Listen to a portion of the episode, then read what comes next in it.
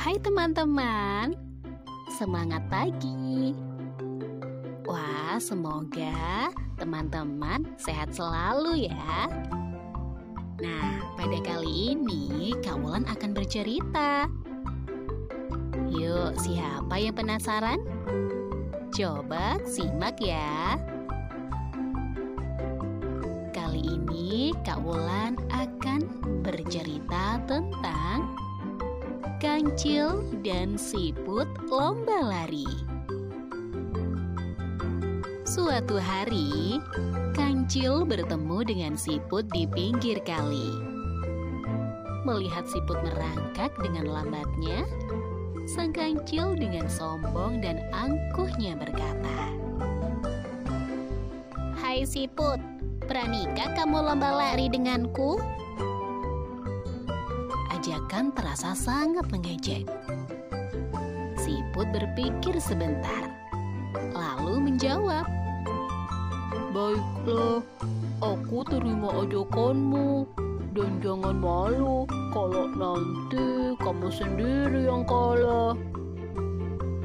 Tidak bisa. Masa jago lari sedunia mau dikalahkan oleh musiput? Binatang perangkat kelas wahid di dunia. Ejek kancil. Baiklah, ayo cepat kita tentukan harinya. Jawab kancil. Bagaimana kalau hari Minggu besok? Agar banyak yang menonton. Kata siput. Oke, aku setuju. Jawab kancil. Sambil menunggu hari yang telah ditentukan itu, siput mengatur rencana. Segera dia kumpulkan teman-teman siput sebanyak-banyaknya. Dalam pertemuan itu, siput menggelorakan semangat kawan-kawan. Kawanan siput, mereka bertekad memenangkan pertandingan. Siasat para siput adalah menugaskan setiap ekor siput untuk berada di antara semak rerumputan. Nanti, tatkala nama siput dipanggil, maka rekan siput yang berada di pos depanlah yang harus menyahutnya. Dan begitu seterusnya. Hari pertandingan lari yang ditunggu-tunggu akhirnya tiba. Para hewan yang hendak menyaksikan telah hadir mereka datang dari segala penjuru hutan. Nampak bersemangat.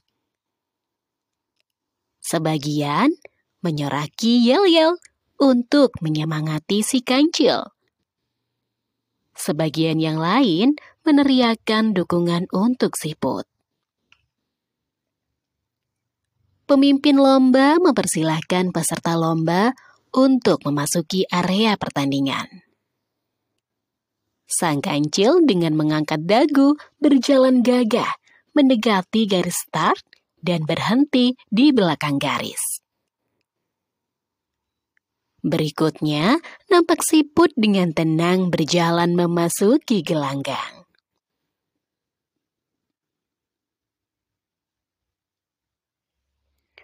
Hmm, untuk sampai ke garis start saja, begitu lama sekali waktu yang dibutuhkannya. Kata si kancil dalam hati. Padahal jaraknya dekat saja.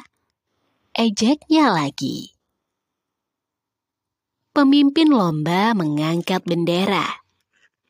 Tanda lomba dimulai. Kancil berlari sangat cepatnya semua tenaga dikeluarkannya. Tepuk tangan penonton kian menggema. Memberi semangat kepada kancil. Setelah lari sekian kilometer, berhentilah kancil. Sambil mengatur nafasnya yang terengah-engah, dia menengok ke belakang. Kalau mungkin ia melihat siput Ternyata ia tidak melihat siput. Wah, kok belum nampak juga batang hidung siput?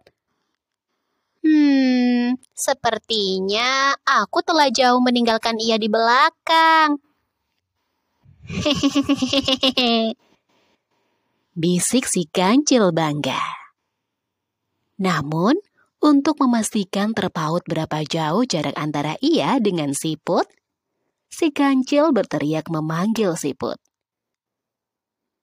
Siput, siput, siput, di mana kamu? Tanya kancil dengan nada mengejek. Sejenak, si kancil tidak mendengar jawaban apa pun. Namun, Sepuluh detik kemudian,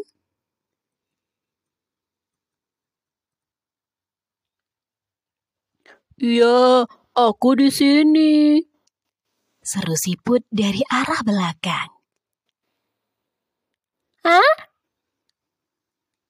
Si kancil terkejut sambil memutarkan lehernya ke arah datangnya suara itu. Ia membalikkan tubuhnya dan sangat amat terkejut menatap siput yang berada di seribu meter di depannya. Mengetahui keadaan yang tidak menguntungkan itu, si kancil semakin mengerahkan seluruh tenaganya untuk berlari lebih cepat agar dapat menyusul siput. Siput segera menepi masuk ke dalam rerumputan yang berada di pinggir sepanjang jalan perlombaan itu. Setelah setengah jam berlari, Kancil mulai berpikir bahwa ia pastilah telah berada jauh di depan siput. Kancil berhenti, mengatur nafasnya kembali, lalu berseru. Siput, siput, siput. Sudah sampai mana kamu? Teriak si kancil. Seperti sebelumnya, si kancil tidak mendengar suara balasan dari siput. Beberapa saat kemudian, kembali si kancil kembali pun terkejut. Iya, aku di sini. Aku di sini.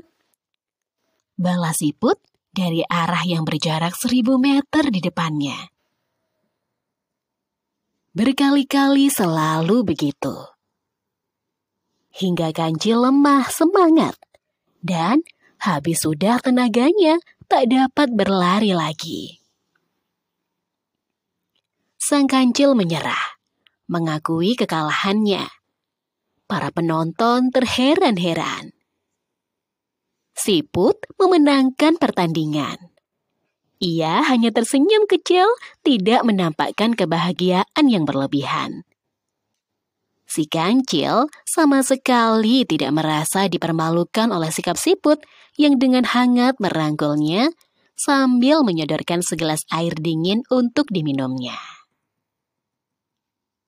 Nah, Begitu dulu adik-adik ceritanya. Besok Kak Wulan akan lanjut lagi ya. Adik-adik dan teman-teman, jangan lupa selalu untuk belajar membaca ya. Karena dengan membaca, kita akan tahu seluruh dunia ini. Terima kasih.